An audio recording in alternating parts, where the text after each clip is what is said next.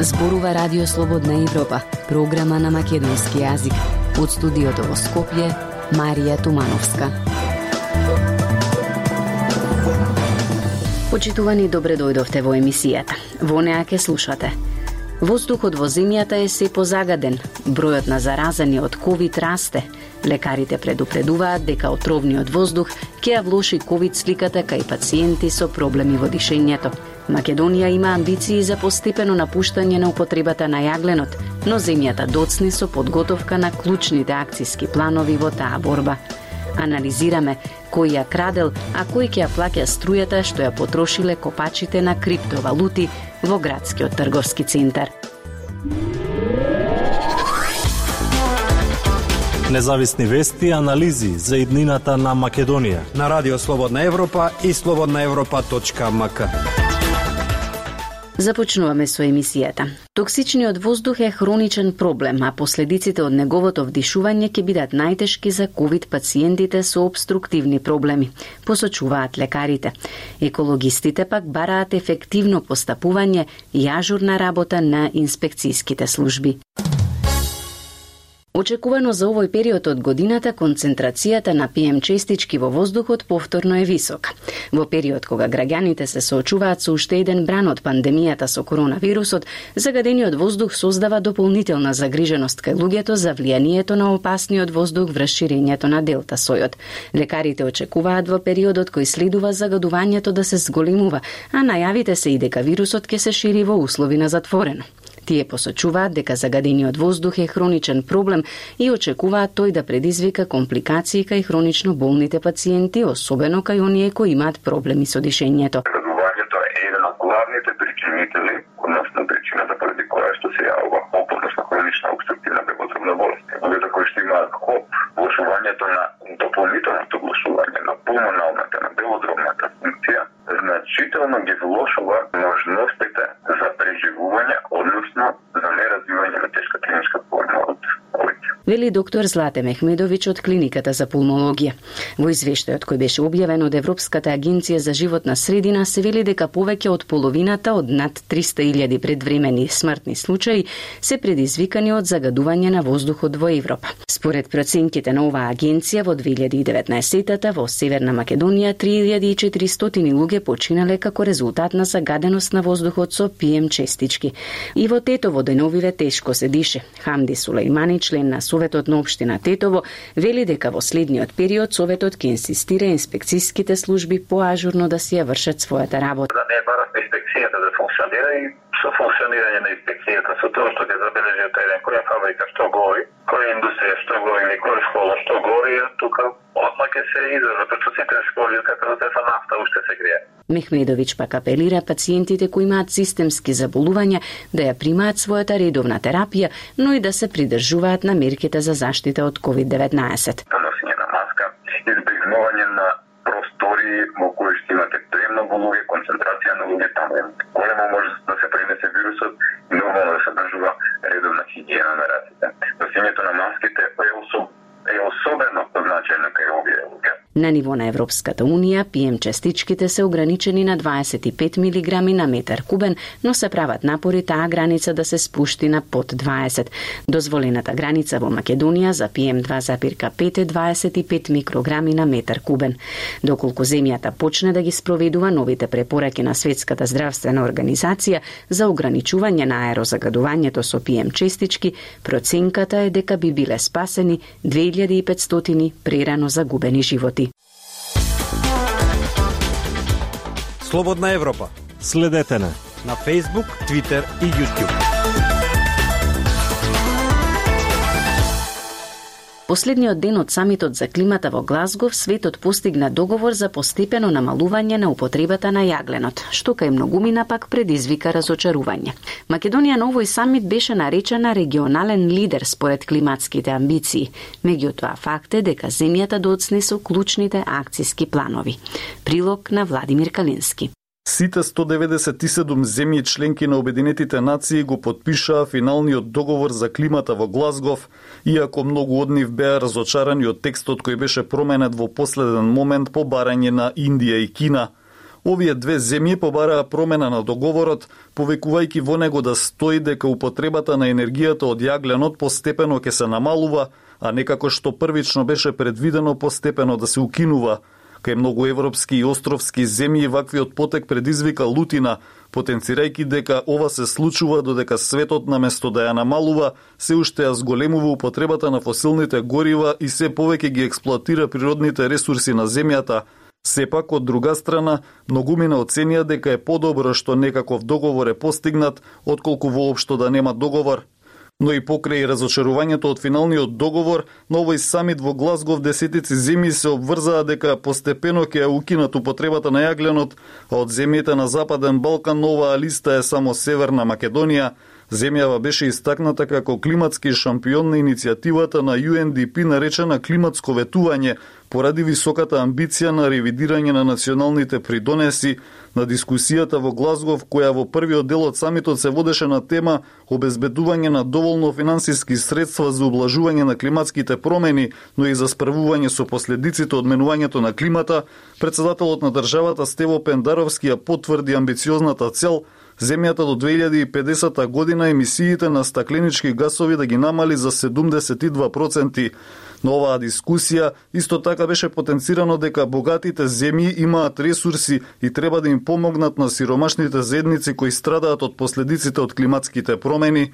За овие цели помалите земји како Северна Македонија имаат можност да подготват предлог проекти и за нивна реализација да земат средства преку Зелениот климатски фонд. Елена Николовска од граѓанската организација Екосвест објаснува дека за овие проекти одлучува мешовита комисија во која учествуваат развиени и неразвиени земји. Едноставно недостасуваат финансии, бидејќи богатите развиени земји не се спремни да дадат доволно пари за финансирање на вакви активности. Тоа е нешто кое исто така го ветија со Парискиот договор. Вели Николовска, Северна Македонија досега има поднесено 4 проекти во Зелениот климатски фонд. Радио Слободна Европа, светот на Македонија. По вчерашната потрага на полицијата по диви копачи на криптовалути се наметнува прашањето зошто МВР разговарала со Евана за кражба на струја, кога градскиот трговски центар набавува струја од друга фирма, Energy Active. Дополнително, опозицијата обвинува дека подрумските простории каде што полицијата не влезе, ги користат синовите на починатиот пратеник Амди Бајрам. Зорана Гажовска-Спасовска. Вкупно 2,4 милиони евра за три години има потрошено градскиот трговски центар во Скопје за набавка на електрична енергија од добавувачот Energy актив. Предпријатието ГТЦ за последната набавка на електрична енергија исплатила 765.000 евра, каде што цената за потрошен мегават час е фиксна и изнесува 3693 денари.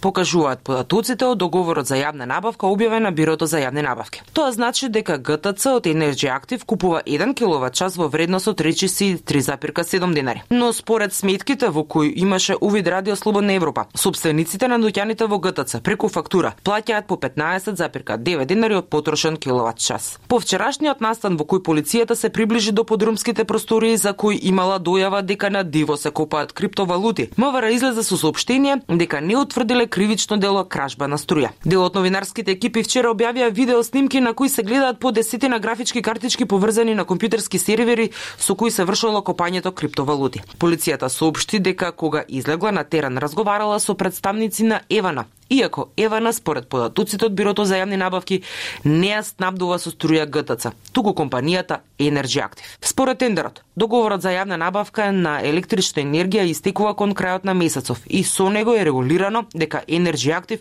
врши снабдување со електрична енергија со утврдени потреби според анализа на историска потрошувачка на електрична енергија.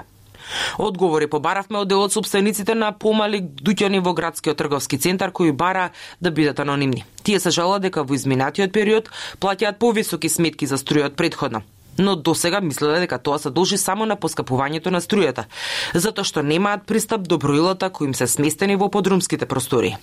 Дуќанџиите велат дека секој од нив си плаќа според потрошените киловат часови. Пратеникот на ВМРО ДПМН Антонио Милушовски на својот официјален профил на Фејсбук напиша дека синовите на поранешниот пратеник Амди Байрам во магазинот ГТЦ имаат голема графичка фарма за копање на биткоини со многу компјутери кои трошат многу струја на ден. Но струјата е на ГТЦ, платена заеднички од сите 300 дуќанџи во трговскиот, напиша на својот Facebook статус Милошовски. Според кривичниот законник, копањето криптовалути не е забрането, што значи дека не е регулирано, а казниво е само крадењето на струја. Често пати овие две работи одат заедно затоа што дел од копачите на криптовалутите се приклучуваат на диво во енергетската мрежа за да си го намалат трошокот за новиот бизнис, велат познавачите. Култура и уметност. На Радио Слободна Европа. Од култура. Во мала станица во Национална галерија од 9 до 19 ноември се одржува биеналната изложба на 31-та и 32-та сесија на ликовната колонија Галичник, која преку изложените дела го третира проблемот на екологијата. Ја подигнуваме свеста и отворено славиме, но и критикуваме, знае да каже историчарката на уметност и кураторката Ана Франговска, со која разговараше колегата Лјупчо Јолевски во Мала станица, во Национална галерија. Од 9 до 19 ноември се одржува биеналната изложба на ликовната колонија Галичник. Последните две сесии го третираат проблемот на екологијата. Успеавте ли на овој начин да допрете до свеста на општеството во кое живееме? Со двете последни сесии на Галичката колонија и со биеналната изложба поставена во Мала станица, допревме многу широки и клучни аспекти од екологијата, за изгубената врска со природата и за човековата доминација во природниот екосистем кој создава неизбришлива девастирачка трага. Ја подигнуваме свеста и отворено славиме, но и критикуваме на разновидни начини. Најчесто кога ќе се спомене било кое прекрасно планинско село или рурално место се говори за позитивните аспекти, за природната убавина, за уникатните биолошки видови, за фолклорот, традицијата, градителството, но ретко кој се осврнува врз се погрдите гледки со кои се соочуваме со особен нагласок последните години, а тоа се опожарените пейсажи, дивите депонии, неконтролираното фрлање и одржување на хигиена, што секако е само мал дел од новиот паноптикум на кој треба да не сме горди. Најголемиот дел од делата на колонијата се изработени во новите медиуми. Значи ли тоа дека вие през годините ја поставивте рамката за натамошно делување? Во последните 12 години од делувањето на ликовната колонија Галичник, акцентот е ставен токму на новите медиуми на визуелен израз во нетрадиционални уметнички форми. Една од причините е потребата од постојано следење на најновите уметнички збиднувања на современата ликовна сцена и создавање на уникатна база која ќе ја продолжи квалитативната линија воспоставена уште од самиот почетоци на оваа уметничка манифестација. Уметноста се трансформира и менува, добива нови форми искажани во поинакви медиуми, па од тука и сите манифестации кои ги следат развоите на уметноста треба да се трансформираат и прилагодуваат согласно актуелните случувања. Никогаш не ги исклучуваме и традиционалните медиуми, но кога ги има има, тие се ставени во нов и видоизменет контекст со многу подслоеви на толкување и читање или искомбинирани со друга медијалност. Уметноста со порака секогаш наоѓа начин да искомуницира со публиката. Некогаш новите медиуми ја олеснуваат медијацијата, но некогаш ја отежнуваат, токму поради директноста која не е обременета со непотребна естетизација. Современоста, актуелноста и квалитетот се на прво скалило кај оваа колонија. Галичката ликовна колонија е чедо на вашиот татко уметникот Нове Франговски.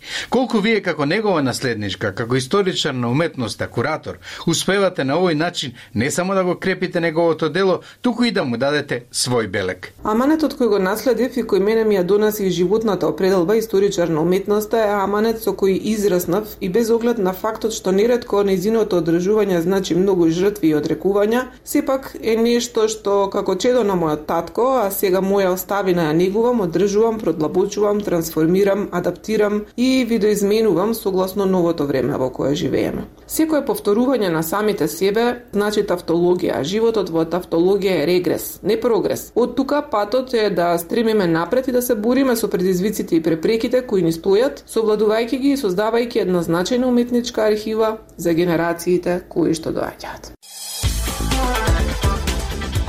Толку во оваа емисија ја слушавте програмата на македонски јазик на Радио Слободна Европа. Од студиото во Скопје ве поздравуваат Дејан Балаловски и Марија Тумановска.